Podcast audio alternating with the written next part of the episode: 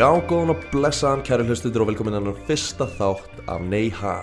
Ég heiti Arnar Hjói Birkisson og með mér er Gísli Grímsson. Þetta ekki ferskur? Jú, frekar Gekkjaðar. Hérna, við ætlum aðeins að útskýra þennan þátt, hvaðan hann kemur, pælingin á baka hann og hérna af hverju við erum hér stattir með uh, podcast. Um, til þess að byrja þetta þá, uh, pælingin sko á baku þáttin er að við ætlum að vera með einhverjar ótrúlegar sannarsögur sem fylgja einhverju þemai eða kannski fylgir einhverjum einstakling. Já. Og í raun og veru byrjaði þetta náttúrulega þar að, að við hérna höfum talað lengi um það að okkur langið til þess að, að gera podcast og segja sagt sanna sögur af eitthvað sem við höfum lent í. Já, því að við erum uh, alltaf búin að vera að bladra í einhverjum partíum og segja sanna sögur okkur sjálfum og við okkur fannst svona, okkur langa að koma því út í kosmosið en uh, síðan var þetta kannski ekki alveg efni í eitthvað heilt podcast season sko. Nei, nei, við erum ekki svo við erum ekki það merkileg Nei. Uh, En við svona tókum pælinguna og færðum þetta svolítið yfir á bara uh, Svona almennt form. Já, setjum þetta á almennt form og, og látum þetta fylgja einhverju, einhverju fræðum einstaklingi eða bara einhverju þemai Já, Og fyrsti þáttur hann fjallar um engan annan en James Cameron. Já Hann er risa kall. Já, hann er sko, hann er rosalegur. Hann er, að, Ef hann væri kall í töluleika væri hann endakall Hann var enda Já, Já, ég er innilega spendur já, Við erum búin að býða lengi eftir að, að þetta í gang Já. Þannig að ég get ekki beðið eftir að heyra uh, meira um James Cameron. Nei, nokkulega og mér finnst kannski bara svona við efni uh, gott að við hendum eitt uh, shoutout á Snorra Björnsson uh, þegar hann hendi í sitt podcast Snorri Björnsson podcast show. Um, en hann uh, hendi í sitt podcast og við vorum bara, að djöðlega vel gert maður að hendi þetta podcast. Við erum búin að vera í podcastið í maganum lengi og hann sagði bara, já, ég ger þetta bara. Já, bara hætti að vera mikla umíkjar og gera þetta. Og halva ári setna þá gerir þetta. Já, kildum að sex mánuðir setna kýldum á það sex á mánuði setna en uh, það var huge. Já, um, shoutout á hann. Uh, á þetta bara? Kýlum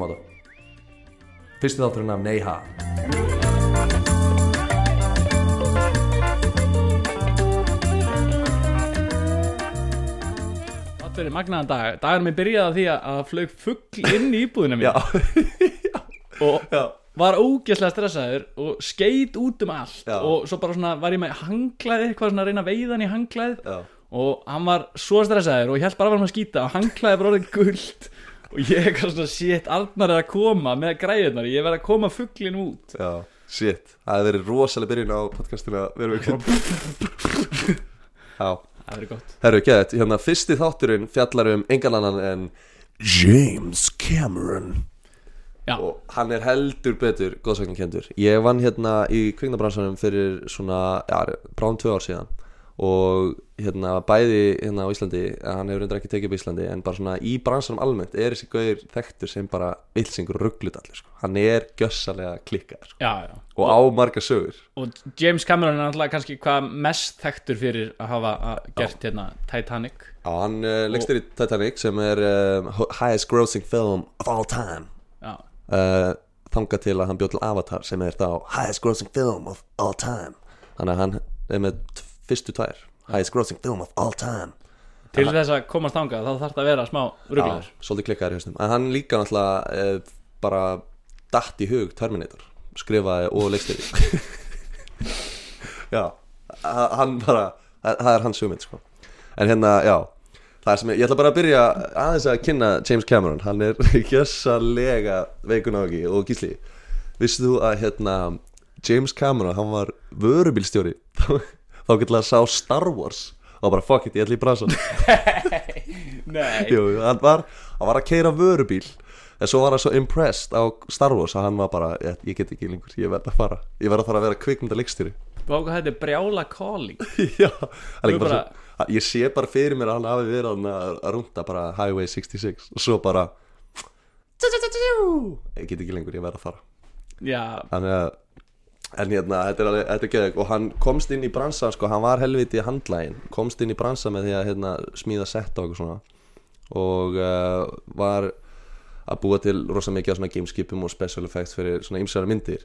Og fekk svo hérna big break með hérna mynd sem heitir Piranha 2 svo þetta er sequelin af Piranha 1 þar sem hérna það er einhverju svona mannætu fiskar sem er að geta nema í Piranha 2 þá, þá hérna, koma þessir Piranha fiskar sér saman með svona, að þú veist þannig fljúandi fiskanir Flu, og, já, þú erum með fljúandi Piranha fiskar sem svona koma, koma yfir og þetta var sér að fyrsta myndi sem James Cameron hérna uh, tók upp og hann var svo Hann var, var hann directing eða var hann bara að taka hann upp? Nei, já, hann var directing sko, hann var leikstjórin af Piranha 2 Ok, og með hérna, mikla reynslu af, af vörublíla flutningum já, búin að vera að flytja hérna, bara vörur á milli eh, fylgja og Ferskan fisk, kannski.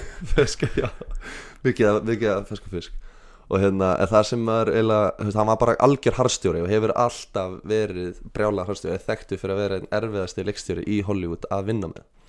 Og hérna það höfðu hann allir. Og eftir að hann var búinn að taka upp myndina þá var framleiðandinn svo brjálaður út í hann og hann sagði allt efnið sem hann hérna hafði tekið var bara ónótæft tók allt efnið og fór hérna frá eh, setti og flög til Rómar og hérna Cameron eldi framleiðandan bara alveg staurblankur frá Jamaica til Rómar. Og hérna og síðan á nóttinni þá braust hann inn í klipp. Nei. Hann braust inn í klippistúdjóin og klifti myndin á nóttinni í leifisleysi og, og Það- Nei, í alveg jú, það var alltaf að það var alltaf að brjótast inn og klippa myndin í leifisleysi og þetta er líka á þeim tíma sem þetta var bara svona filmur skilur þannig að hann var hann bara sjakk Hérna. og og í Róm þar hann var að stelast í að hérna, klippa Perana 2 þá hérna varð hann klikka veikur bara fekk klikkan hita og var hann bara með svona fever nightmare og, og dreymdi Terminator. Jó, hann segir að að það var í draumi þá dreymd hann að svona hálf króm beinangrind var að skríða á eftir honum og hann með svona raukt auga bara og hann vaknaði bara þetta var ekki ekki bíómynd. Þannig að þannig datt hann í hug Terminator. Hvað er hann gamall hann, veistu það? um, Nei, ég held að hann var frekar, þú veist hann var sko droppað úr college nokkurum árum fyrir. Uh, fór að vinna sem vörubílstjóri og uh, síðan stutti það Nei, ef ekki að bara estimata að hann sé svona mid-20s, 26 til 30 Já, já og hérna en já, þetta er alveg fyrsta myndin hans er sko uh, svona alvöru myndin sem hann vil meina því að Piranha 2 var bara eitthvað svona þú veist, hann skrifaði hann ekkit og hann var bara svona svolítið fenginn í hana sko. Já, já, já. En fyrsta myndin svona James Cameron myndin, það er Terminator 1 Í að alvörunni? Já, það er fyrsta, já. Og Ah. Hann hérna byrjaði þess að hann fór í sko fullt af stúdíum og var búinn að skrifa hérna handritið. Og uh, allir klikka spenntir þú veist, bara gæðvegt handrit eitthvað. Og hérna og svo kom hann alltaf með dílbreykir og ég, hérna, ég ætla að fá að leikstýra myndinni. Og þeir bara ekki fokkis sjans þannig að hann var bara hafnað, hafnað, hafnað, hafnað, hafnað Það var kannski líka með svolítið svona slæmt CV Já, Já, hver hefur leikst þrýtt? Er þið hérna Pírana 2? Já, það er 2. gaman að segja Já, frá því. ég var reynda já, Já, stalst í Rómar og klifti myndir að þar á nóttinni já, var ekki Ég var er determined allavega ég, Já, og hérna en hann, hann fekk eitthvað stúdíó til þess að trúa sig gegn því sko hann inni launalust á myndina, hann fekk sérst engin laun og gerði Terminator 1 fyrir eitthvað budget á 6 miljónum og hérna hann sérst lifði á því að mammans klift úr blaðinu hérna svona Big Mac svona coupons það sem hann gæti fengið tvo Big Mac fyrir einn og svo keifti hann tvo Big Macs eða þú veist, keifti einn, fekk annan borðaði einn Big Mac einn daginn og hinn Big Macin hinn daginn. Já, hann bara lifaði einu Big Mac á dag þegar hann var að taka upp Terminator. Það er styrla já, Það er líka að Arnold Schwarzenegger borðaði að byggla miklu meira já, alltaf tveir Big Macs á dag og svarsnegil sko. já, þetta er hérna Mamma hans hefur verið duglega að klippa út kúbons já, en eftir þetta þá var hann bara solid sko. James Cameron bara komin upp á stjörnu himinin alltaf Terminator var huge mynd sko. og hérna en svo er hérna ein sagan, þetta er svona fyrsta myndi segja alvöru sagan frá hérna James Cameron. Og hann var að taka mynd eftir þetta sem heitir The Abyss og fjallar um hérna eitthvað svona oljubora menn sem fara hérna ofan í bara hafið í dýpið og er eitthvað bæði í rannsóknar tilgangi og að bóra upp olju gerir það fyrir. Og, um, og þar hérna hittaði einhverja gemurur og eitthvað það fer allt í rugla, þetta er svolítið svona hann var svolítið inspired af 2001 Space Odyssey eftir Kubrick. Já, já, og var að taka upp þá mynd og hérna og James Cameron verandi eh, klikkaði mikið harstjóri þá var hérna The Abyss uh, nicknamed af krúnu The Abuse. Því að hann var svo gessalega störtlaður og hérna þeir voru að taka upp einhver staðar hérna í uh, Kentucky að í einhverju svona yfirgefnu kjarnorkuveri. Þá voru þeir með þessa risastóra bala sem þeir nota, það var búið að byggja kjarnorkuverið en það var síðan aldrei nota þannig að það hafði aldrei verið kjarn, að, veist, gíslaverk efni í kjarnorkuverinu. Og uh, þeir dæla bara miljónum lítra úr hérna einhverju vatni sem var hann við hliðina og, og hreinsa það og setja það í eitthvað stærsta ferskvatsker sem nokkuð tíman hefur sést bara í heiminum og byggja settið þannig undir vatni og ætla svo að taka upp sko 40% af myndinni gerist undir vatni. Bara, já, bara í sjónum. Já, bara, að, veist, já, í sjónum í myndinni en í þessu ferskvatni í, hérna, í tökunni. Og þetta var hérna, bara einn erfiðasta taka. Og ég, hérna eitt hurdle sem þeir lendi í var að það voru alltaf viltar geitur að rölda upp á sett og nagaði sundur í kapla á setti. Þannig að já, alltaf, veist, þetta var bara eitthvað út í náttúrunni og voru alltaf svona fjallageitur á röltin og sett og n- naga í sundur kamerukapla og naga í sundur veist, það sem hérna vass hérna hreinsunar kerfi þannig að það var alltaf, alltaf bila út af því að geitur voru alltaf á röltin og settið og fokk öllu upp. Ok, já, það er frekar frekar stilla. Og svo hérna en uh, þau voru mikið ofan í vatninu og stundum voru þú veist leikaranir að býða ofan í vatninu bara eftir einni, einu skoti bara fjóra, fimm tíma í senn, annarkvort að skiptu kúta eða voru bara með loftlínum bara upp á yfirborðið. Hann var sjúklega mikið uh, niður. En James Cameron hóra alveg sama. Og hann var svona að vinna cirka 15-16 klukktum á dag í þessu vatni. Og það var svo mikið klór í vatninu út af því að þetta var bara það sem var með klór Já, þú veist, já, út af því að það bila þannig að hreinsuveitu system út af geitunum þannig að þeir bara dældu þeir dældu bara fullt af klóri í vatnið. Og það var svo mikið klór að það aflitaði hárið á öllu krúinu. Þeir, jú, þannig að það voru allir bara aflitaðar augabrúnir og aflitað hár. Og hérna og svo náttúrulega fengu eitthvað svona chemical burns á hendunar og eitthvað shit. Þannig að það var alveg bara, þú veist, hellað að vinna hana. Og hérna og James Cameron hann var með svona frálsan kút sko. Og það voru allir uh, leikarar og uh, allt krúið með svona hérna, örgiskafara með sér. Um, er þessi- eitthvað að kemja upp á já, já, þú veist, voru kallaðar hérna The Angels. Nema hérna að sjálfsögðu James Cameron, hann vildi engan helvitis örgiskafara, hann var alltaf bara einn og það var hérna þessi sagði þannig að James Cameron var hann ofan í og hann gall alltaf verið klukkutíma og kortir ofan í einu á einum tanki. Já. og var hann bara eitthvað að vinna og röldum settið sem er alltaf undir vatni. Og hérna og var alltaf með aðstofalegsturinn sem átti alltaf að láta hann vita þegar hérna tími var búinn. Og þeir voru með svona hjálma bara svona full on hjálma uh, svona kavara bell eða já, er svona bara eins og gamaldags svona kavara einmitt, svona ný, ný versjón af því sko. Og hérna og þannig að hann var með mikrofón og intercom og allt og gætt talað. En þetta er, þessi myndi tekin upp 1989 þannig að við erum ekkert að tala um bluetooth þannig þetta er bara svona svolítið gamalt system. Þannig að bara James Cameron gætt talað við alla og leikarinn gáttu talað við hann en engin annar gætt spjallað við James Cameron skilur, þetta er bara svona one way line. Mm.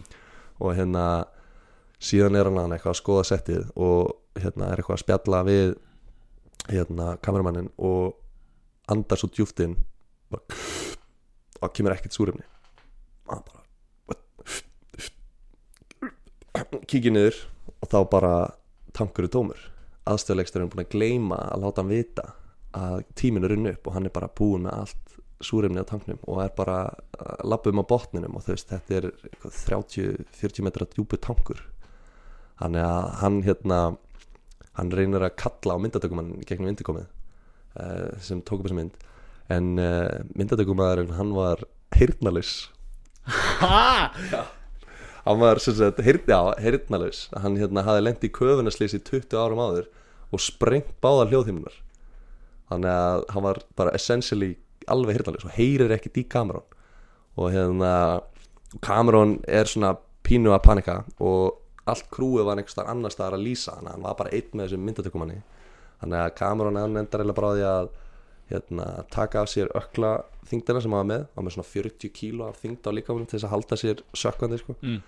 og, og tekur svo bara af sér hjálminn og bara og drekkir interkominu og þá fyrst fyrir fólk eitthvað uppi bara að býta með hvað er að gerast þegar hérna flæði vatnin í mikrofónunas kamerans og hann ætla bara að synda upp og hendir bara í hérna sem kallast eh, fyrir þá sem hafa kafað hérna blow and go sem hljóma svona pínu eins og one night stand hjá samkynniðum en hérna það sem að gera það er að þegar maður blæs upp bara á leiðinu upp því að hann að springa lungu niður já, já, og það þarf að sparka og, og sérst, tæma úr lungunum á sama tíma sko. Já, og hann er ekki með hérna svona ugga, þú veist, hann er ekki með hérna, hann er bara í skóm Já, hann er bara í skóm og, hérna, og er bara að synda upp án súrefnis hérna upp hérna þennan tank Já. og með brjálu læri til að sparka já, já, I'm James Cameron. Og hérna hann sagt er að synda upp og öryggiskafarnir þeir taka eftir honum og þeir stoppa kameran svona 15 fetum eða 3 metrum frá yfirborðinu sem er þú veist út af því að þetta er það mikið þrýstingur skilur já, upp á að fá ekki hérna, köfuna ekki Já, upp á fólk ekki köfunavíki og líka bara minni hætta því að þessi síðustu 3 metra getur verið svo hættulegir sérstaklega með blow and go sko. Já, og hérna og hann að kafarinn réttir hann um munnstykkið, stingur upp í hann. Og uh, hann blæs út svona pörjar uh, munnstykkið eins og maður á að gera já. og andar svo inn. Munnstykkið bila, andarinn fullt af, vatni. Nei. Bara fullt af vatni, bara beint í lunguna sér. Og hann bara og fattar að það er eitthvað að heldur bara að hann hafi pörjað vittlust þannig að hann pörjar aftur aftur fullt af vatni bara í lungun. Hann er hann eitthvað þrema metri fyrir neðan yfirborðið, leikstjórun á myndinni er bara bara að deyja. Að bara drukna skilur og hérna þannig að og gæin hérna öryggiskafarinn hann heldur honum skilur heldur svona í hann. Heldur hann niður í. Já, og er, þú veist að er hann að koma upp fyrir hann getur farið upp. Þannig að kamera tók sér bara til og bara kildi gæin í andlitið. Bara, ég er, er að svona reyna að sjá það fyrir mér. Hefur ekkert maður reynt að kýla eitthvað undir vatni? Já, þú veist, það er alveg óþægilegt skilur að þú ert með köfunast ekki í andlitinu þá bara nefan hann hefur, já, einmitt, ég, hann hefur bara og hann er líka að deyja skilur, Hann- hann, er að berjast fyrir lífið sínu skilur Já, gjössalega hellað. Þannig að hann hérna s- sagt, kýlir kafaran sem hérna sleppur honum loksins og syndir sjálfur upp heldur að fara að blása úr lungunum á sér væntalega með núna loft í lungunum líka nei, já, væntalega vatn, Já, vatn, já. vatn í lungunum ætla ég að segja fullt af klór líka. Fullt af- já, að þess að já, og hérna syndir upp auðvitað og hérna nær svo að, að synda í land og það fullt af svona svörtum kúlum svona, svona flutu svona yfirborinu til þess að hérna að passa að dempa ekki, já, var ekki byrta sem var að fara hann í tankin sko. og hérna hann var ekki að syndi gegnum það nær svo að draga sig í land og rétt svo lifir af þegar upp á aðstöðuleikstarunum rekur hann fer svo að hérna kára hann og rekur hann og segir hérna farið niður og náði í hjálmum minn. Og hérna láta hann virka aftur ég þarf að fara að koma niður í vatna aftur í svona klukktíma. Og vildi bara fara aftur beint ofan í tankin djúvill er þetta rugglaði guður Já, hann er gjössanlega hellaður sko. hann hefur stektur sem einn svona mest metnafulli direktor í Hollywood, hann lætur ekkert stoppa sig. Og hann vill alltaf láta hérna hann vill alltaf hérna svona push the bar já, hann vildi með þessa mynd þá hérna það er mjög frækt svona VFX atriði af hérna einhverju svona gimmuru sem tekur hérna svona formi hérna vass og mynda svona humanoid af vatni. Og það var bara klikkasta tölvuteknun sem hefur sést og ennþá bara í dag frekar impressive sko. Það er ekkit alltaf þessu svona tölvutekna drasli sem hérna holds up sko. Og er, er í raun sko hérna málmgæin í Terminator 2 er byggt á algoritmunum sem þeir hérna gerði fyrir þennan gera fyrir vaska þennan já, þannig að þetta er alveg hann er alltaf pushing the bar og, og, og þetta er en já. Um, leikonan sem var að leika fyrir hann uh, öskraði á Cameron að we're not animals. Í einhverju sinni sem það var að taka upp. Þannig að þetta var væga sagt hella að vera með þessu. Og hérna eftir The Abyss. Abyss var ekkert svo mikil hittari sko Nei, ég, ég man eftir því að hafa einhvern veginn svona séðan í sjónvarpinu þegar ég var bann já, og hún er alveg svona sem í svona þú veist, ert krakki og veist ekki hvað er í gangi það er hann alveg fokkin skeri sko. Það er eitthvað svona þau eru í kafi og þú veist, hún Já. er svo öll eitthvað svona mystical eitthvað, Já, hún er svolítið hún er skrítin svo sko. óþægileg. Já, kemur eitthvað svona ljós skimmeran í lokin eitthvað, einhver svona fiskur sem dregur aðalgæðin eitthvað í gegnum eitthvað svona, þetta er svolítið svona endar sem eins og Space Odyssey sko, Já. í einhverju ruggli bara, já, þannig að þú ætti að vera svolítið svona já, fíla svona arti myndir og, og þetta er sem sagt þess, hann gerir þessa mynd á eftir Terminator 1 já, já ok, og svo, og þetta var ekki það mikil hittari sko. þetta var, ég, þessi mynd kostaði sko einhverja Já. mikið pening. Átta, átta kosta held ég eh, tí, uh, 8 miljónir eitthvað. 8 miljónir bandaríkjana en enda kosta 10-12 miljónir back in 89 þannig að það er fokkin mikið peningur.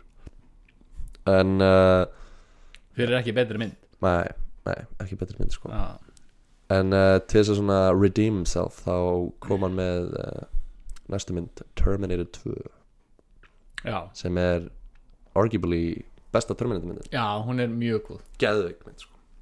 Og hérna sem er með hérna álgæðanum já, já, álgæðin hana T- T-1000 eða eitthvað. Ég man ekki hvað karakterin á Arnold Schwarzenegger heitir. Er það ekki T-1000 já, er getur ekki hinn T-3000 jú, hann var upgrade já kannski er það örbylgjófn, ég veit það ekki sko. ég man, ég er svo lélug með svona nöfn á karakterum. Bara Sarah O'Connor. Já, og, og sonur hennar. O'Connor. O'Connor. Connor O'Connor. Connor O'Connor. Já, en hérna Terminator 2 geðveik mynd, Hef- þú hefur séð hana ekki? Jú, jú, jú, þetta var uppáhaldsmyndi mín þegar ég var krakki. Ég, fun fact, ég vissi ekki að James Cameron væri Terminator. Vissir það ekki? nei, eða þú veist, ég hef bara aldrei pælt í því, skilju shit, já hann ég held að hún hefði bara verið sjálf leikstýr þetta er svo rugglu mynd. Já, Nei, James Cameron leikstýriði sko Terminator 1 og 2 og skrifaði Terminator 1 og 2 ok, en hann er ekki í hinum myndunum með það Nei, hann í raun hérna hann selur sko fransæsi eftir Terminator 2 ég kem aðeins inn á það á eftir. Það er svolítið skemmtileg að sagða þegar hann selur fransæsi sko. ok, ok, en hérna tölum aðeins um Terminator 2 sko í Terminator 2 alltaf brjálu stönd það er enginn að fara að gleyma hana vörubílum sem bombar niður að hérna brunni og inn í hérna að lefið þegar hann vass Já, rennunar já, já. í LA og er að bruna eftir svarsnegir sem er bara á mótuhjóli já, með hann að haglaran já það er alltaf Já, alltaf að snúa byssunni og skjóta já. Já. Þetta er náttúrulega, þú veist, svona var pioneering í stöndum og var á þessu tíma dýrasta mynd sem það nokkuð tíma tekið. Upp. og nú, Terminator 2 já, ég ætla að taka segway, tala um þyrluatrið í Já. Terminator 2 ú, Þetta hérna var svo sound effect sem við vorum að setja inn við erum ekki að taka upp fyrir neða reykjögull já, já, já. Við erum með svona við erum soundboard með soundboard. aðalega með hljóð Já, það er langmest flugvelhljóð í sandborðinu okkar. Já, hérna þetta er alveg frækt atrið þegar hérna þyr- þyrlan fer niður og fer hérna undir underpassið já, já, já, í, um, og er að skjóta á hann alveg, á já, einmitt. Ég, hvort að hérna T-3000 eða þessu ætlum að kalla hann hérna, hvort að hann sé ekki bara að stýra þyrlunni og er, er að fljúa hana eftir hérna Sarah sem er hann aftan í sjúkrabíl eða eitthvað álíka. Já, já, og hérna það atrið er ekkit hérna VFX, það er bara alvöru þyrlugæði sem í alvörunni flýgur undir pass, það sem að var með svona meter fyrir ofan sig og neðan sig. Já, og hérna og allir í krúinu hefur mótmældu þessu atrið en fannst það óhættulegt, ómikil hætta á því að þyrluflugmaður myndi klessa. Já og mikil hætta að, líka sko. að, já, og hérna alltaf mikil hætta að um, að hérna ef þyrla myndi þú veist klessa þá myndi hérna þú veist fljúa alls konar svona debris og drasl og náttúrulega drepa eitthvað sko. þannig að það fór allir í verkfall. Það nefndi enginn að taka þetta upp fyrir já, þannig að Cameron já, hérna, hann var bara svo ákveðin og fólk var bara Já. nei, skilur bara, Já. ég mæti ekki vinnuna.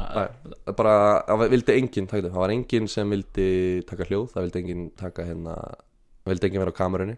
Það vildi raun enginn, það var bara tveir gæjar sem vildi gera það var þyrluflugmaðurinn. Og James Cameron James Cameron. Þannig að James Cameron sagði bara við krúið sitt bara fuck it, I'll do it myself. Og hérna ég held að síminn hafi ringt og amma hafi verið að hlusta að hluta þessu podcasti. Já, ég held að Amma, sé er- ennþá að lusta Ertu í símanum? Er ammin, ég verð að heyra í því setna Já, sko. Já. amma, ég heyri í því setna Ah, Jesus, ég, ég held ég að setja Do Not Disturb Já, já þess að James Cameron er hann eini gæði sem er á myndalni Þannig að, jú, það hefur einhver stöndræfir kyrt bílinn þegar hann var ekki að keira bílinn og oppreita myndalinn á sama tíma. En hann tekur þess að allt þetta atriði með þyrluna hann sjálfur á kamerunni og þú veist, þetta er bara þriðja myndina sko. þeir taka þetta atriði bara í one shot. Og uh, bara letsitir atriði og en uh, eftir Terminator, reyndar ekki eftir þetta atriði þá endar hérna James Cameron með hluta af svona shrapnel eða svona hluta af byssukúli í hendina á sér sem er ennþá í hendina eftir Terminator 2 bara, bara sem að bara gerðist á setti Já, eitthvað að gerast að setja hann bara svona og fekk það bara í hendina og út af því hann er James Cameron þá var hann bara slétt sama. Held bara áfram að taka upp. Bara tattoo, töffara tattoo. Já, bara tattoo. Do you know, do you wanna know how I got these scars? nei, hérna hann sko þarna stimplar sinn sko, með Terminator 2 Terminator 1 var legendary mynd en með Terminator 2 Terminator 1 var náttúrulega kannski meira kannski ekki svona köllmynd því að Terminator 2 var miklu meira franchise já, þá var franchise komið allavega sko. Og hérna og hann líka, ég held að sko Terminator 1, ég veit ekki hvað grætti, grætti vel yfir budgetið sitt sko, næstu í uh, já, 100 miljónir eða eitthvað. En, en hérna Terminator 2 bara sprengti skala sko, og bara einn tekihæsta mynd. Ekki svo tekihæsta sko, en alveg hátt uppi. Já, og um, þegar hérna hann er búið með Terminator 2 þá hérna þá selur hann fransæsið og hann segist að sjá mikið eftir hann fekk alveg einhverjum miljóni bandarækjadala fyrir að selja fransæsið og láta það halda áfram út í, raun vittlisuna sem þetta komið út í núna eitthvað, Terminator Genesis Salvation og eitthvað blá blá. Já, einmitt. Og hérna þegar hann seldi réttin af Terminator og var ennþá örgulega hæ á Terminator vagninum þá held hann störtla partí hérna í nýja húsinu sinni sem hann var nýbúin að kaupa sem hann býr ennþá í dag sem er hérna í Malibu í Kaliforníu. Ok, og hérna og í partíinu það er þjónusta í Hollywood það sem þú getur lykt svona exotic dýr til þess að vera í partíinu. Og hérna pældi það er ábygglega brjála að gera það. Já, já, það er bara, bara þjónusta sem bara stoppar aldrei. Og hann leiði hérna svona hvítan tígristýr eða svona eh, hvað, hvít tígristýr sem hérna eins og þeir eru með hana töfrakallanir hana sem voru bitnir af hvítu Já, tígri. já, já, er, já, leiði svona bengaltígur eða hvað þetta heitir. Já, já, það sem, var svona í einhvern dýragarði í Tenerife held ég, Já. svona, mjög frækt það er þjónusta sem býður upp á það og hann leiði þessi þannig þannig að þú lappaður inn í partíð þá lappaður fram hjá búri með hérna svona hvítum bengaltígri og hérna og þannig að fólk tekið mynda tígrinum og eitthvað og svo var þetta bara sturlað partí menn voru bara að djama og þú veist bara brjáluð drikja á rugl og hérna og það var einhver hálfviti sem opna búrið og Jú. Ha? já, já, já, já, opna búrið og dýrið byrja bara að rölda um. En þetta er tígristýr sem er búið að vaksa upp í hérna, bara captivity alla æfi Bara á dýralegu að dýralegunni þannig að tígristýri byrja bara að rölda um í, hérna, í partínu og það panikalli gestinir og hlaupa inn í hús og læsa sig inni í hérna, húsinu.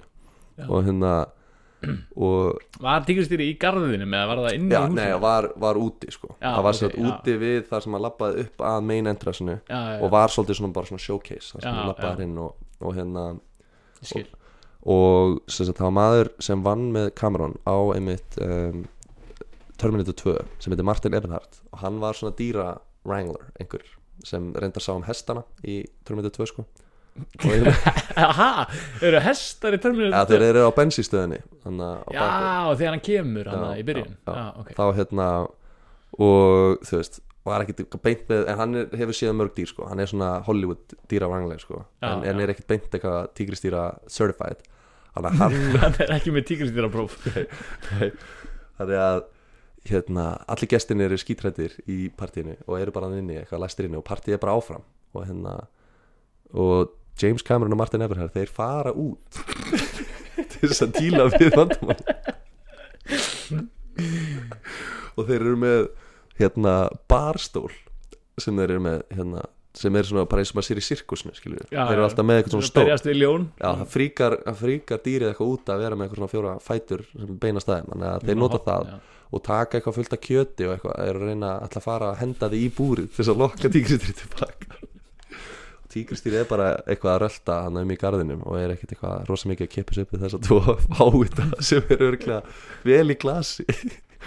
En hérna en já, þetta enda er einn ekkert það dramatic sko, þeir henda hann einhverju leifum í hérna búrið og eftir svona klukkutíma þá enda tígristýrið þar að geta og þá hlaupa þeir út og loka það aftur inni og læsa. Þannig að eh, en Cameron sem í dag er sko vegan hann segist svona að hafa séð svolítið eftir sig að hafa eitthvað verið að Já. svona með Já. animal abuse já, einmitt, einmitt þannig að hérna uh, eftir að hann klárar Titanic og er náttúrulega með sand að sælum í bankanum Já. þá kaupir hann tígristýrið og kemur því fyrir í svona sengsum þetta sama tígristýrið sem var í já, partí fór í leiguna og kemti það já, Baldi að hann bara búin að hugsa um þetta hverjum degi síðan. Já, já, hann er bara þetta er bara að plaga hann, skilur, hann er bara bara séð leiði á hann já, einmitt. En þú veist þetta er svona eitthvað alvarlegasta sem maður lendir í að þurfa að díla við í partí er ef að brotna glas eða eitthvað, ælir. Það bara er djöfull með tígristýrið Pældi- við þurfum að, að græja það. Já, þetta er svona eins og að, að þú veist, þurfum að henda vini sínum út úr partí Já, að henda fulligæðin tígristýrinu fulligæðin í partíinu er tígristýr já, bara, wow Herru, við þurfum að, þú ætti að fara sko. Þetta er ekki hægt. Þetta er ekki hægt. Það ræða allir það er gestur allir hættu hinni Já, hérna, ég glimti einu. Hérna, Arnold Schwarzenegger var í þessu partí Og hérna, ætlaði að koma með þeim Og hérna Og spyrja hvort hann, já, hvort þeir vildi hjálp sko Því að Arnold Schwarzenegger alltaf vill alltaf vera aðalkallin Ég veit ekki hvort þú séð hann bara þegar hann er publicly Hann er alltaf, alltaf alltaf aðalgæðin Og hann vildi alltaf koma með þeim í þetta. Og Cameron er alltaf tíu sinum stærri tilhingur en Schwarzenegger sko, í haustum já, og hérna segir hérna Don't worry, I'll be back. Það er ekki aðeitt Það er gjössalega, ég glemdi, ég var bara að skrifa staðlínunum Já, Stalinas Gerði bara klikka lítið úr svarstekurinn Don't worry, I'll be back. Shit maður, það er aðeins svo gott. En hérna Önnu styrlu staðarind um kameran Við bara höldum þessu róli áfram Með hvað, mér, sko, mér finnst bara svona Notabenni, kameran það, Flestir í Hollywood hata kameran, sko Bara svona for the record. Hann er bara þekktur bara sem skilur já, já. Og hérna, hann er ekki marga vini. Nei, ég elska hann fyrir að vera svona mikið fáti Mér finnst hann svo mikið legit fyrir að láta svona bara take shit from nobody. Já, Já, veist, ég sko náði ekki að finna neitt um þessa hérna, bara stuttasögu sem ég ætla að segja núna en hérna, kennar minn í kvikmyndaskólanum hérna út í Prag hann sagðist hérna að hafa hýrt eitthvað sögu af kameran það sem hann var að taka upp, ég held að það hafa verið Terminator 2 eitthvað atriðan í mollinu. Það sem hérna annarkur Sarah O'Connor eða hana, John O'Connor eða hvað hann heitir kemur hana niður eitthvað svona rúllustega. Og James Cameron er bara, herru hérna, rúllustegan þarf að fara hraðar. Þetta er óhægt sko, þetta gengur ekki. Og gæinn hérna sem er svona tengilegurinn inn í molli bara hraðar, getur ekkert bara eitthvað þetta er ekkert eitthvað og svo bara, ertu bara komið bara, bara færi bara niður, skilur þú bara. Þetta er bara, ein, Já. þetta er bara svona ein ríkistilling já, já, já, þetta er bara, bara einhver reg- standard og James Cameron bara, herru, annarkur hraðar á sem helvitis hérna, rúlstega eða bara, eða þú ert reikin gæinn bara, hvað meinar reikin, það er ekkert hægt sko, ferði ekkert bara hann inn og ítir okkar að takka og græja fyrir hraðar. Þannig að James Cameron rekur hann og fer inn í stjórnbórið og finnur ekki út úr og hann er hraða á helstækjum ég fann ekki um þetta á netinu en þetta er þetta klippikennarinn með sagði mér þess að sögu sko. þannig að hann er bara þessi gæði skilur og hérna, Já. það er mitt eitt kvót sem er ekki eftir hann en ég ætla að koma þið hérna inn sem er eftir hérna leikara Bill Paxton sem segir hérna að orðin nei, that's impossible og phrases that can't be done er hérna frasa sem gefa James Cameron stampinum já, ok, hann er bara, hann elskar allt sem ekki er hægt. Já. Og hérna hann er kannski sínt það nokkur svona líka sko. Jú. Og talandi um það sem er ekki þetta er að James Cameron, kvikmyndarleikstjórinn sem gerði Titanic hann er með heimsmetið að kafa dýfst af öllum mannum í heiminum. Já, hann hérna kafar Mariana Trench. Mariana Trench sem er 11 km undir vatni. Og ég talaði um sko í raun er miklu erfæðar að kafa svona djúft ofan í hafið heldur en að fljúa út í game sko miklu flóknari tækni að sta- standast allan að þrýsting heldur en að tróða einhverju fólki út í game sko. já er, það ekki, er það ekki rétt að mér hann var bara einn í einhverjum ultra kafbát sem Jú. var bara með eitthvað klikkað þykkuð gleri og eitthvað að Já. þú veist, sem hann hjálpaði að hanna sjálfur sko. þrýstingurinn að niðri er náttúrulega bara ótrúlega Já, ég man ekki hvað hann er Gigantískur per þrýstingur. sko, hérna, square inch en þetta eru bara eitthvað 40 tonn per centimetr það er, af það er, þrýsting, það er ein atmosfera á hverja tíu metra held ég í alveg Já. hann er 11 km því og svo, þú veist, já, hann er sko kafbáturinn er svona svolítið eins og gameskipið hjá hérna, Boba Fett í, í hérna, Star Wars já. Fyrir þá sem það ekki það hann var einn í þessum kafbát Já. hann var ekki með einhverjum gaur sem er kafbáti sérfræðingur Nei, þetta var bara nei. James Hann- Cameron Já. bara áhugamáli hans var að kafa dýfst í heiminum Já, og hann er, hann er að stjórna kafbátun skilja, hann er hann á kontról ormanum sko, Já. og sér náttúrulega ekki neitt nema bara það sem að ljósið nei, bendir á nákvæmlega sko og hérna um, um, þannig að hann kafar og hann er í svona lítilli kúlu sem er svona stjórnborðan sko og um, þegar hann hérna fer hann rétt áður en þeir ætla að fara um, hérna er hann búinn að taka upp Titanic. Og hérna rétt en hann ofan í þá hérna þetta er svona vika áður en þeir ætla að fara í, þá deyr hérna krúa þessi í þyrluslýsi. Ha? já, sem, sem á Titanic? Nei, nei sem, sagt, sem voru að taka upp eitthvað og vinna með honum í þessu hans já, deyri til og James Cameron var ekki þeirri þyrlu þannig að hann lifir af. Já. og það setti svolítið dempar á þetta sko. Þeir voru að fara að fara en núna voru allir svona bara, já, já, fyrir þetta að Já. fara í trenchið. Að en, uh, en James Cameron hann var svolítið uh, bundur á tíma sko, út af því að hann var að fara að gefa út Titanic í 3D þannig að uh, hann hafði bara viku til þess að klára það því að svo þurfti hann bara að fara að, hérna, á frumsýninguna á Titanic í 3D já, fyrir þá sem ekki vita það var Titanic gefin út aftur í 3D þess að tóku gömlu myndina og gáði og hana vörpuðu henni yfir í 3D já, það breytt henni í 3D og bættu potið við ykkur sprengingum og eitthvað þetta. Já, ha? já, já. Og hérna hann fer sem sagt í um, það var einn dagur í þessari viku sem uh, var hægt að kafa. Og þannig að hann fer að nófan í og setur heimsmetið í að kafa sem dýst og hérna hann notar Rolex James Cameron, hann er mikill Rolex maður. Og hann let útbúa hérna Rolex sem hann setti á robotarmin líka. Já, sem myndi höndla þrýstingin Já, þannig, og, og hérna hann að kafbátur var líka með Rolex. Og var hann að að ta taka upp einhver jarðsýni með Rolex á úlinu það er mjög grillað. Það var, hann var sponsaður. Það var, var eitthvað, eitthvað spons hann voru ekki í Rolex búðin og sagði heyrðu, já, eitt hérna sem að þólir 150 átt eitthvað sem þólir 1150 Já, Já, ég held að Rolex hljótinu hafa fundist þetta eitthvað nett og gefa honum eitthvað, eitthvað spons já, er, er það ekki rétt hjá mér að hann var líka fyrsti gaurin til að sjá Titanic?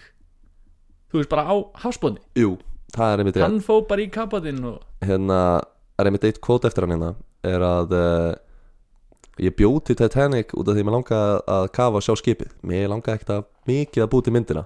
Ég vildi bara að Hollywood myndi borga fyrir expeditionið. Titanic was about fuck you money.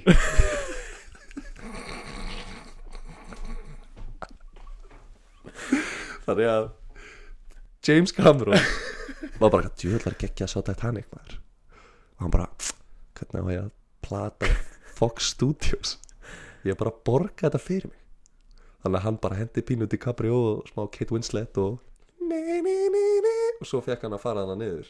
Já, ég sko, ég held ég, held að sé rétt að mér að þær upptökur sem að eru í myndinni eitthvað, það sem að er verið eitthvað að, þú veist, leita hann að málverkinu að vera að fara hann eitthvað inn í það eru bara alvöru upptökur úr kafbandum hans James Cameron Já. inn í skipinu. Já, það er rétt. Hann sem sagt er sjálfur að, á grubla í þessu drasli. Og Titanic er ógeðslega djúft sko, þú veist, á háspanni þetta er bara, þetta var alveg frekar mikil köfun sko, og þú veist, þetta er áður en hann fer hérna á, á hérna botnin sko, á hérna Mariana Trench. Já, og færa byggla hugmyndina hana já, sko James Cameron kvikmyndarleikstjórinn James Cameron.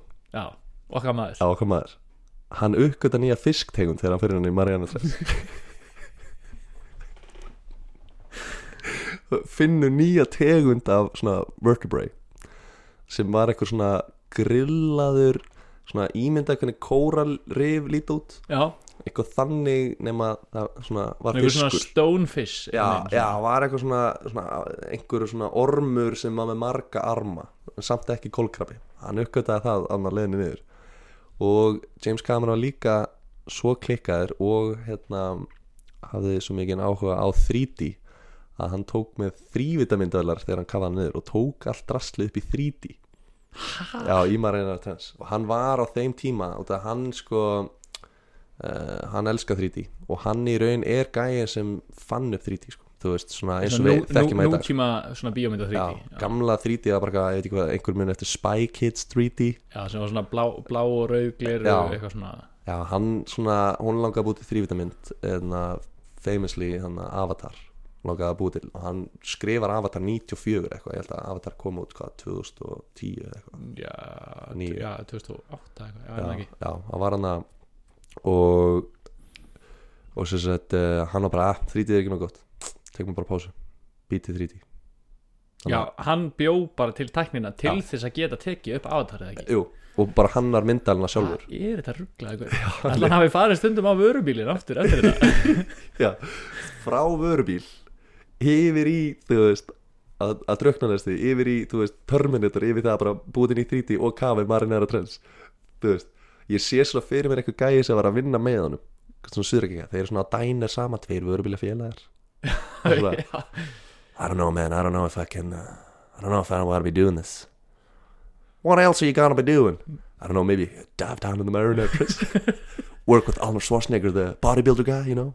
Make some sort of robot film Really wanna see Titanic? I would love to see Titanic one day.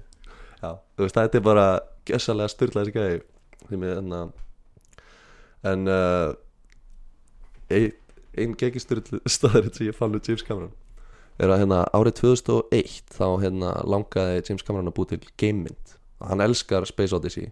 Og ætlaði að búi til eitthvað svona Mars gamemynd sem hérna átt að vera í raun hann í raun fekk svona útrás fyrir því með Avatar en á undan því ætlaði hann að búi til eitthvað svona manneskjan að, að reyna að setla Mars og eitthvað. Hann er hluti af hérna The Mars Society sem Elon Musk og, Já, já, já, og Buzz Aldrin sem görur í. Já, já, og þeir eru svona að reyna að vinna að því saman að koma fólk til Mars. Já, þannig að hann er alvöru pioneer James Cameron. Já. og hérna árið 2001 stóð til að James Cameron átt að fá far uh, með geimskulli og eigða mánuð í alþjóðlega geimstöðinni.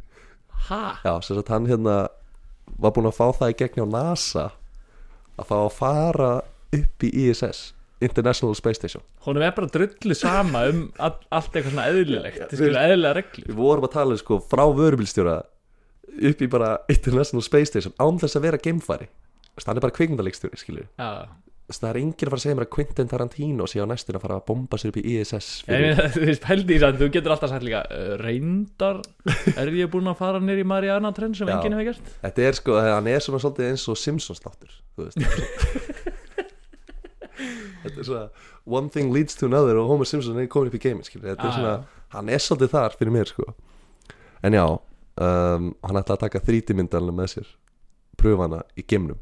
Já, en svo bara gerist 9-11 og hann bara hæ, hætti við að þú veist, NASA bara við, þurfum aðeins að herða herða hérna örgið er reglunar. Engi kveikmyndarlegstur engi kviknarístur upp í International Space Station. Þannig að hann mista þessi tækverð sín út af 9-11 þannig að Osama Bin Laden eða þú ert að hlusta bara James Cameron er ekki nú ánægð með því sko. Það er ótrúlegt. Efast um að sé að hlusta, en? Nei, já, hann er alltaf kvíli núna á hafsbotni ef Obama var að segja satt hérna kannski hefur James Cameron farið og séðan bara kafað á eftir hann Já. En hérna Við ætlum að tala um hérna eina sögu. Sko, veit ekki hverju þekka hérna kvikmyndarleikstjóran Guillermo de Toro sem er hérna Mexikani og gerði Pan's Labyrinth. Já, og hérna gerði líka hérna svona nýrri myndi á honum fyrir það sem kannski veit ekki hvað Pan's Labyrinth er hann gerði líka hérna Shape of Water.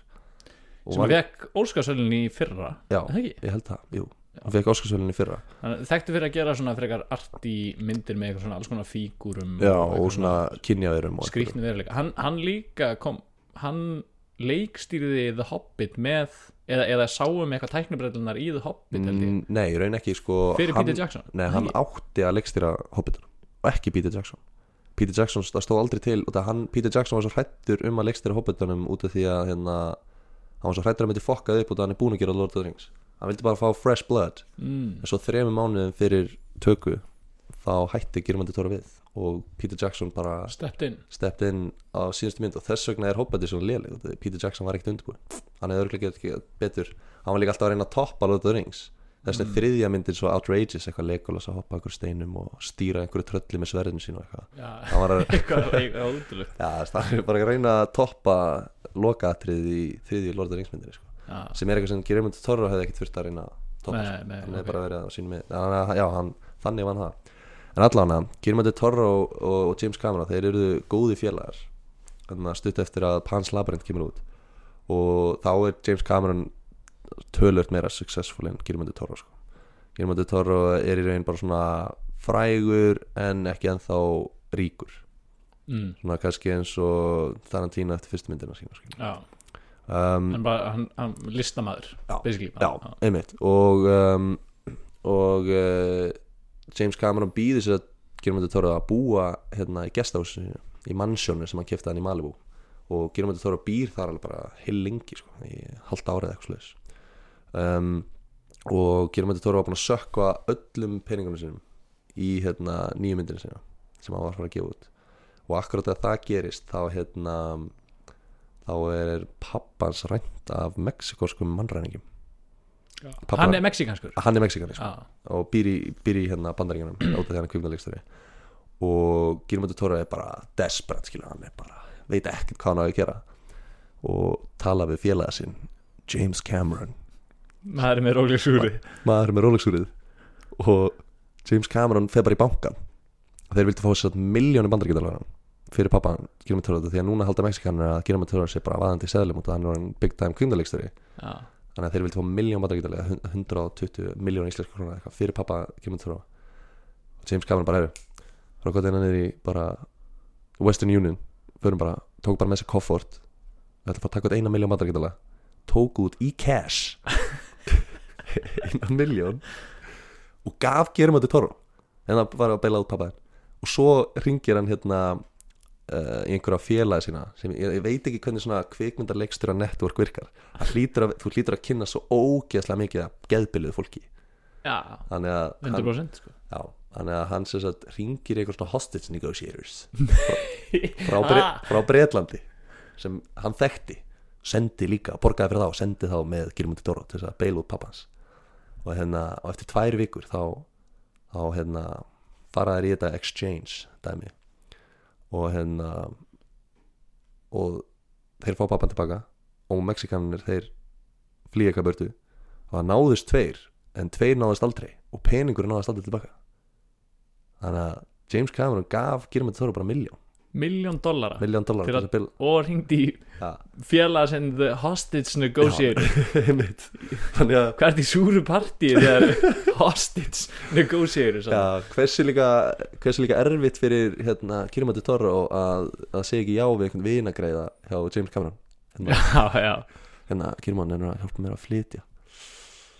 Ég reyndar er smá upptíki en Já. þú veist en þannig það er störla, það, þú veist, ef einhver að segja eitthvað leðalegt um James Cameron, hann be- gaf félag sínum miljón bandaríkjulega já, þannig að það er hets off to him sko. Hann er, hann er góðu vinnur en hérna svo er eiginlega hérna, einu uppáhaldsaga mín hérna, sko. hérna James Cameron hérna, famously stýrði leikstýrði hérna Titanic sem er öruglega svona mest successful myndinas hún vann 11 Oscara. Já Ég hérna, mynd, já, það er margir svona kannski new wave sem myndu segja Avatar sé eitthvað aðan máli en ég held að James Cameron muni alltaf vera já, veist, Titanic já. maður sem gerði Titanic. Ég held sko, þú veist ég held að sé fleiri að fara að horfa á Titanic eftir 20 ár heldur en á Heldur en Avatar. já, Avatar er bara Pocahontas í 3D sko.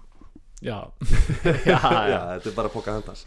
Þannig að, en já að, þannig að James Cameron var að leikstýra Titanic og aftur bara algjör fáiði og Kate Winslet neytar að vinna með hann aftur og hún olbóða breytt sig í myndinni og hérna druknaði næstu. Þannig að þetta var bara já önnur hún hefur talað mjög oft illa um hann í Já. viðtölum. Já, hún segir að hann sé ótrúlega leikstjóri en vill aldrei vinna með hann aftur.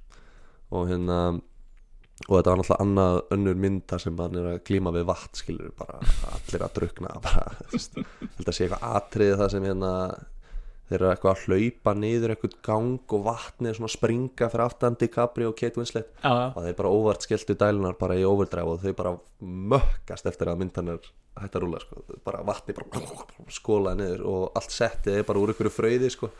þannig að en þú veist þau bara lendi í ruggli sko.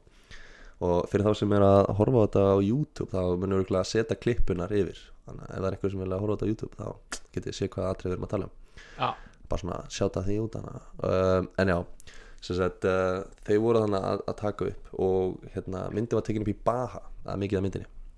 Og hérna Yasu já, já. og um, Helt, helt í smástund að þetta væri svona eitthvað vídeoformat sem væri að tala um. Já, tókum við í Baha. Nei, já, í bara landinu uh, svæðinu Baha. Og hérna skrifa með Jóði. Basha, Bakka eða ekki? Jú. ég kann ekki að bera það til þessi sko. bara afri en hérna sagt um, það er einhver sem byrlar hérna krúinu. Þeir sem voru með skelfisk í matinn svona ostrur og eitthvað humar og eitthvað drasl. Og það er einhver sem setur fullt af hérna PCP eða englaríki í allan skelfiskin sem er alltaf bara eitt þingsta dröggið sem til er. Er PCP er bara eitthvað hérna related í sko hérna og hvað var þetta bara vinnustæðar já, bara, já, bara, þú veist. Og það var vist sko nóg af PCP í skelfiskinum til þess að byrla 60 manns. Þess að það voru 60 manns sem voru hæ á PCP í hérna í krúinu Já, bara bara í krúni þú veist, það var allir þannig að bara borða saman skilur svo byrjuði allir bara eitthvað. Og bara svona, fyrir það sem veit ekki hvað PCP er það er sko, hérna það heitir PCP en er kallað englarik og held ég að segja einhvers þar í methanfetamin fjölskyldinni þetta er bara störla eitthulif mm. og einhver frægur rappari sem ég man ekki nafnaði núna tók einhvern mann englarik drap félagi sinn, homiðin sinn og átúrunum livruna já, hellað. Já, þetta er alveg svona þannig eitthulif þetta er alveg, maður verður þungur. Á því að- taka þetta. Þannig að þannig eru 60 manns á Englaríki. Þar á meðal James Cameron. en James Cameron hefur eitthvað fundið á sér að það væri eitthvað í súpunni sko. maðkur í missinni. maður í missinni að það hefur verið eitthvað PCP í skelfisknum þannig að það var ekki fyrsta skipti sem hann fekk PCP í skelvíksin þannig að hann hleypur upp á herbyggi og treður puttan upp sig og ælir upp þetta skelfisknum og er eini gæinn sem gera það. Allir aðrir í krúinu fáðu full effekt af PCP-nu og meðan James Cameron er frekar fljótar í jafna sín því að hann náði að æla upp með stöðlum skelfisknum og skelfiskurinn var uh, samkvæmt hérna, þeim sem lendi í þessu svo góður að flestir fengu sér aftur á svo góður að bræði. Þannig að að Doppul Já, þannig að ef þú ef þið vantar svona secret ingredient í skelfiskin þá gætir að pröfa PCP sko. en hérna og kameran kemur aftur niður og hérna var stungin í andlitið með penna. Nei. Það kom, það kom einhver krúmember að honum og stakk kameran í andlitið með, með, með penna.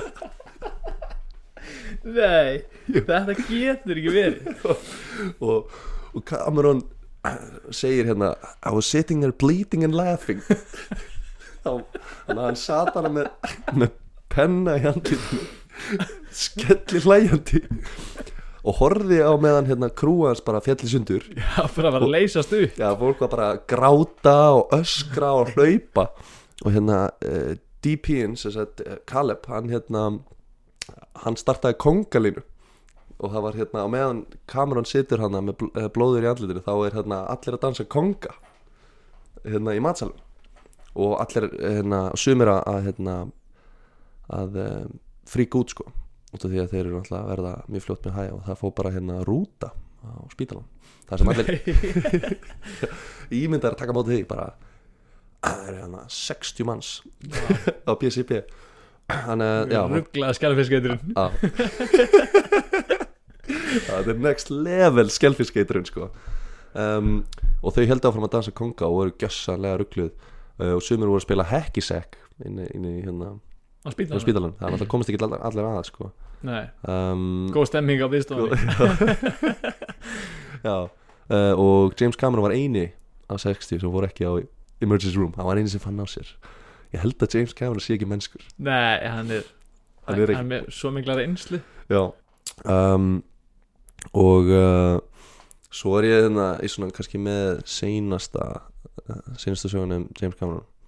En uh, hann er sko svolítið áhugað fyrir það liti að uh, að hann sem sagt býr í Malibu í Kaliforni og hann á þar risa mansjón og svo keift hann mansjónu við hliðin á mansjónu sínu sem hann er bara með svona vinnaðstöðinu sína. Það er hann með svona Já, skrifstofan klippidrasli þar sko. Ok, og allir sem eru búin að fylgjast með fréttum svona senast árin vita að það eru hellaði skógareldar búin að vera í, í eh, Malibu. já, í Já, Malibu. já, bara í Kaliforníu. Það var bara um daginn bara eitt bilaður sem bara tók eitthvað eitthvað præsleis bílasamt sem var einmitt hann í Malibu. Þannig að Malibu er búið að vera hotspot fyrir skógarelda. Hann svaka mymbanda Gerald Butler miður sína að vera húsið hans rústaðis já, ég er endur ekki séð að mynda hversu var hann bara ja, Nei, ja, eitthvað mynd skilur hann postaði bara á sig skilur bara svartur í framann að ösku og bara mannsönni hans bara farið skilur Are you not entertained? Já, já Var það captionið? Já, það var reynda Russell Crowe sko. Uh, já, þú varst að segja, hvað sagður þú? Mel Gibson? Nei, hérna, Gerald Butler Gerald Bentley, wow, 300 Já, alveg, Gerald Butler Ég, ég einhvern veginn bara hugsaði Já, þeir eru- eru líkir sko Já, þeir eru svolítið líkir En hérna, já, svo að James Cameron hann, uh, hún finnst þetta bara rugl Það sé alltaf skóraaldar Hann kefti sér slökkluspíl Geimur á mannsjónu sínu uh, Og hann og hans sem er allt hérna einhverjir uh, ex-military Írakæðar Já, þeir súta bara upp í, í hérna, slökkulegisbúning og svo blandaðir hérna fróðu í sundlauginni og berjast bara í skógaraldra sjálfur Það bara dælu úr sundlauginni. Já, dæli bara vatni úr sundlaugin og spreyja bara niður, hann stoppa bara eldin sjálfur. Hann er ekkert að býða eftir að slökkulið mæti. Allir í Malibu eru bara að forða sér. Já, nema James Cameron. James Cameron kifti sér bara slökkulisbíl, gamlan og er bara með hann, tilbúin, alltaf. Hann er ekki að fara að færa sig að því að það er einhver skóareldur Nei, og hann hérna Hann hefur séð það svartara sko. Hann hérna hlær bara segir bara everybody else just runs for the hills. Uh, eitthvað oh my god sagði hann uh, við sitjum bara í gulu búningunum okkar með undurnugrímu og býðum og það geggja að sjá rísastóra eldveikin það er og Armageddon. Ha, er hann ekki, hann er gessanlega styrla hann er gjössalega gjössalega farin Veist það, og hó- hann er bara svona hann er svona svona grab life by the balls gæi sem ég hef nokkuð tíma Hann lítur að hafa fengið klóreitrun þegar hann var að taka upp því að byss. Já, hann hlýtur að hafa bara andað eitthvað í sér hann í þessum vörubíl sem hann var að keira því byrja hann hefur bara verið með inn, Dísilegsastjónin bara verið inn í Já, ég meina, hvernig ferði frá því í það sem hann er núna, sko? Hann er bara, hann er beilaðast í gæði sem ég nokkuð tíma að lesa um. Ég, sko, áður en ég gerði hann þátt, áður en ég vissi eitthvað um hann gæði, þá vissi ég ekki að hann væri svona bilað, skil, ég hafði svona heyrt svona eina tvær sem ég, mér Já, fannst nóg að finna svona, ó, hann er bilaður. hann er bilaðir en hérna ok, þannig að fyrir það sem er að hlusta þetta er svona kannski svolítið formið á þetta við ætlum að bara segja ykkur svona stakka sögur við ætlum ekki að fara í gegnum lífi hjá neinum og reyna svolítið að, að, fá að fyndast það eða að það klikkast það Já, úr annarkvæmt einstaklingum eða fylgjum einhverju þemæ en það er plot twist sem við erum ekki búin að segja ykkur frá. Uh, það er ein sagan af þessum sögum er ekki sönn. Ú, hvað verður erfitt að reyna að fatta hver er og, villis og Gísli sem sagt hérna hann veit ekki hvor er lígi þannig að hann á að reyna að gíska hann við förum aðeins í gegnum sögunar og þú ert að reyna að gíska hvor er bull. Og það er sem sagt Já, hver af öllum þessum sögur af öllum þessum sögum hver er ekki sönn? Og ég ætla bara þannig að þú vitir hintið að þú veist sagan er alveg frá upphafi bull skilur það er ekki þetta þetta er ekki þannig að hérna það var eitthvað svona pínu hint of truth. Hún er bara gjössalega spunni sko. Já, bara allt, bara Já, frá grunni. Já, já, ég breytti ekki eitthvað svona smáatriðum. Þannig Nei, að nei. þú veist, það er bara allt bull. Ok, um, að, veist, já, allavega svona saga sjálfur bull. Um, þannig að meðan, meðan þú hugsa það mm. þá ætla ég að vera með svona minigame fyrir þig um, sem er hérna ég með fullt af kvótum eftir James Cameron. Það er líka eitt af þeim bull. Það eru öll sönn kvót nema eitt. Eitt er bull. Já, og ég ætla að segja þér hvaða kvóti bull og vonandi hjálpa þér að finna söguna sem bull. Ok, en uh, sérst af öllum þessum kvótum sem þú ert búin að segja hinga til Nei, nei, ég er svona með lista kvotu núna sem ég er ekki búin að nefna. Já, ok, ok. Og, og hérna já. Um, sem sagt James Cameron hann brauti sér tönnuna þegar hann var að skjóta avatar. Og hérna þegar einhver spurði hann hérna af hverju hann hefur ekki lagað hana þá segir hann Well, James Cameron doesn't smile that much anyway. Það er- það er grjót Það er grjótart Ég get ekki, ég, þetta er að byggla rétt skilur uh, Svo er hérna Hann er sjaldan að grínast. Kvót nummer tvö er hérna, hann er að tala um crewmember sem var að lýsa og segir hérna Watching him light the set is like watching two monkeys fuck a football Hæ? Það er ótrúlega veist, er hann ánæða með hann eða, eða ekki? uh, Tveir að bara ríða fótbolta ég, Ég bara hef ekki hugmyndu Það hvort var það sé jákvætt eða neikvætt nei, það er líka visual sem ég fæ ekki, fæ ekki úr hausnum og fæ ekki, ég er svona, næ ekki átti með hvaðan hann kemur Þetta er, Er þetta saying í bandaríkjum? ég, það, þú veist, það Two gæti alveg, monkeys fucking a football það gæti alveg verið en, en þú veist, Já, ef þetta er ekki saying já. af hverju datt James Cameron það í hug? Gæin hefur náttúrulega seen some shit. Já, Já. Einu þessar Já, bonus fact, þetta er eh, ótengt kvotunum er að James Cameron hérna uh, eftir að hafa gert Avatar var svolítið svona umhverju sinni og, og hjálpaði eitthvað svona native svona um, hópa af uh, indjánum í brasilíska rekskóinum að berjast fyrir að móti hérna svona svona deforestation tæpi, það sem þeir eru að höggva niður öll tré. Já, og hann er, það er til myndan og það sem hann er allur bara málar eins og svona ab aboriginal gæi og er bara með þeim.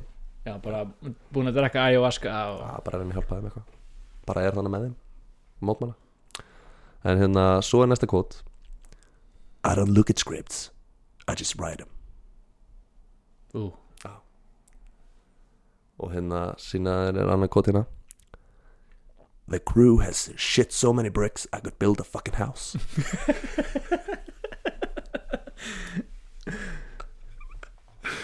Já, gekkja kvot sko. Og hérna, og síðan er það reyndar eitt kvot sem ég var búin að segja. Það er hérna I made the Titanic because I wanted to dive to the shipwreck not because I wanted to make the movie. I just wanted to make Hollywood pay for the expedition. Titanic was about fuck you money. Sem er geðu, hann er alltaf gekkja já, en, að, þú veist, það er líka bara frábært að hann, þú veist, hann, hann, hann bara búin að viðkjanna það, skilur Já, hann er náttúrulega og, og, Hann var eiginlega drull. Og Fox er líka drull hérna, te- um, 1,2 biljón dólarar í tekjur. Helviti gott return. Já, þeir, skulu, þeir skutla mig til Mars og tilbaka fyrir þann penning sko. Herjá, svo er hérna annað gótt I eat stress for breakfast. Ú, Já, hann sagði þetta. Og hiring you was like firing two good guys.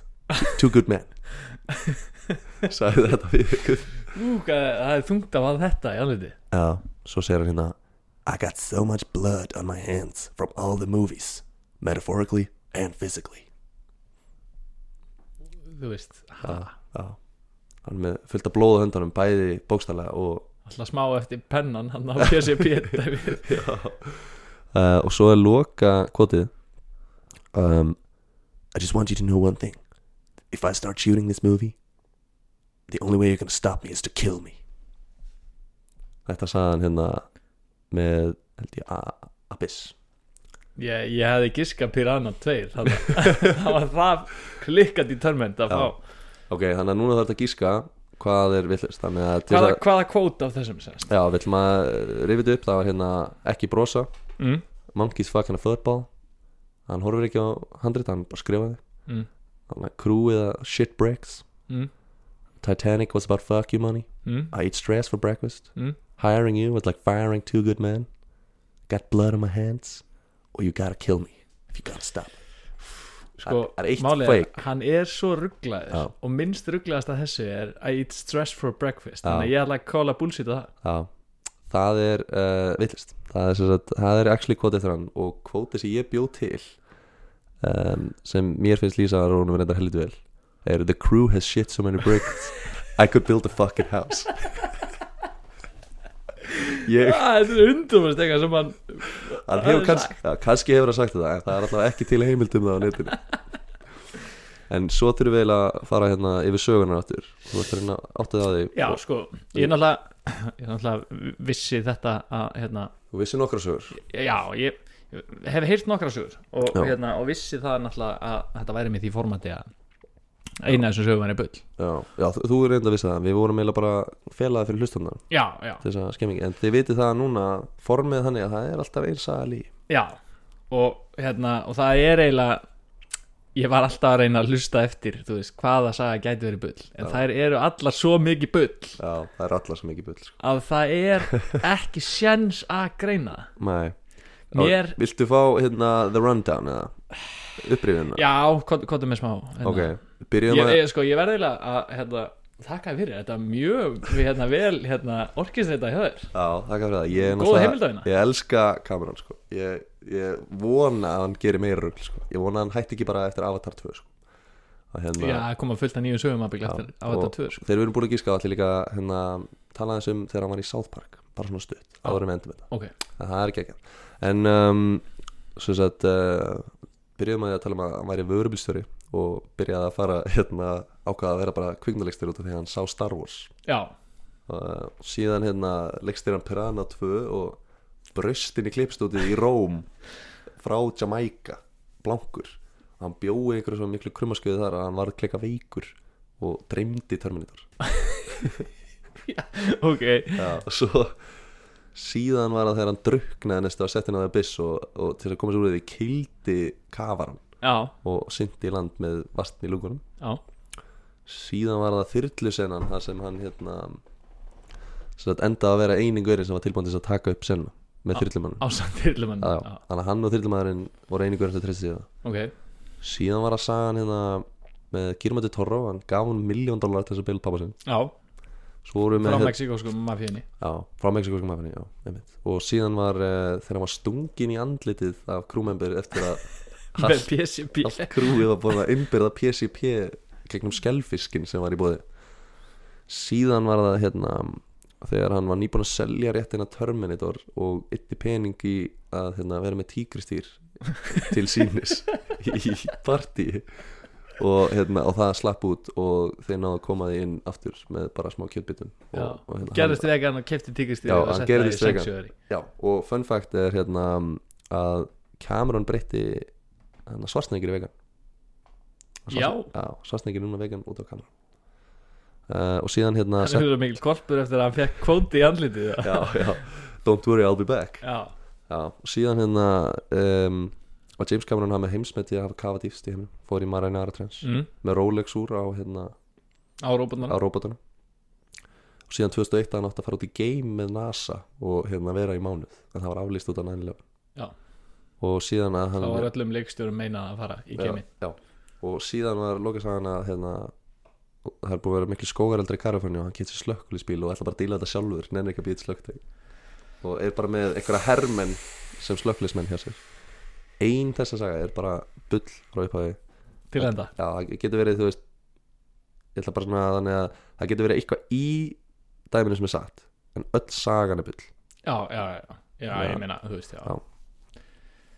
sko þetta er fokkin erfitt sko. Já, ég var ógeðslega lengi að búi til legasöguna Þetta því að ég vildi hún myndi passa vel inn í persóna sko. já, sko þetta er allt svo innilega einhvern veginn líklegt að vera satt. En Já. ég verð að segja að ótrúlegasta sagan finnst mér Titanic PCP og skelfiskendurinn Það og hann hafi verið stungin í andliti með penna. Já, og, og, og, það hefði verið rúta á á bráðarmóttökuna og kongalína hérna, það var svona kviknutökum maður var með kongalínu niður og það var allir að dansa konga allir sem voru á PCP já, Já, mér, ég eiginlega sko af öllu þessu sögum þó að reyndar upphaf sagan um það að hann hafi farið til Róm og brotist inn í klippistúdjóðu að því hann langaði svo mikið að klippa Piranha 2 Já, og fengið heat svona flashes og, og, og, og dreift Terminator. Terminator er, finnst mér svona já, svona mythical svolítið farfetched Ah, að, en ég bara Það stendur á milli þess að tökja það stendur að milli þess að tekja. Ok, og hérna ég verði eiginlega að segja þessi PCP saga sko. Mér, mér finnst hún bara allt og ruglu sko. ok. Kæra hlustundir, þeir sem eru að hlusta um, Báða þessar sögur eru 100% sannar það er, það er gjössamlega ótrúlegt. PCP-sagan er bara verbeitum eftir það sem hann sagði sjálfur. Nei. Jú, hann varst Legasagan er tígristýrið Nei! Það gerist aldrei.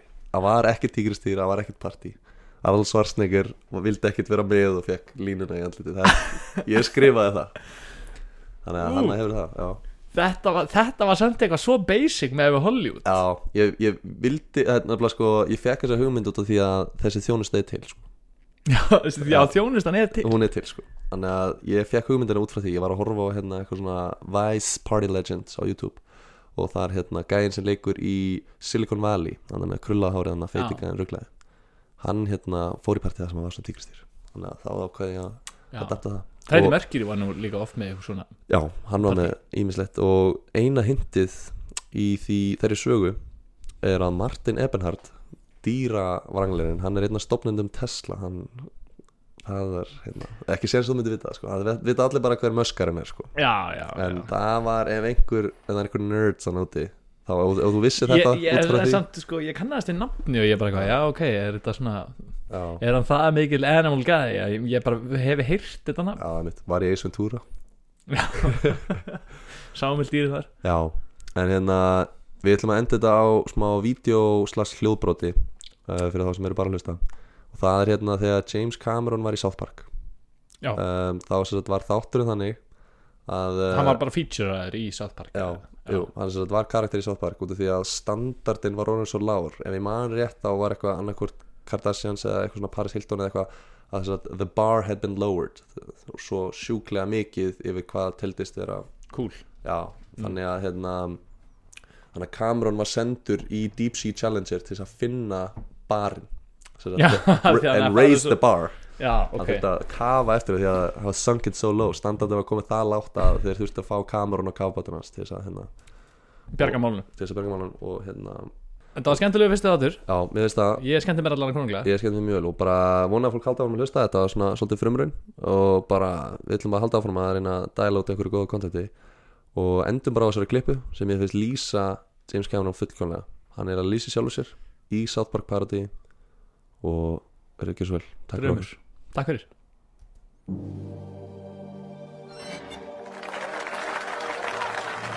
Mr. Cameron, we can't believe it. We're done here. Set course for the set of Avatar 2. Mr. Cameron, people should know how you saved us all, how you raised the bar. How will they know what a hero you are? James Cameron doesn't do what James Cameron does for James Cameron.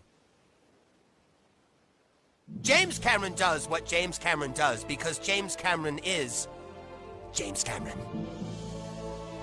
His name is James, James Cameron, the bravest pioneer. No budget too steep, no sea too deep. Who's that? It's him, James Cameron.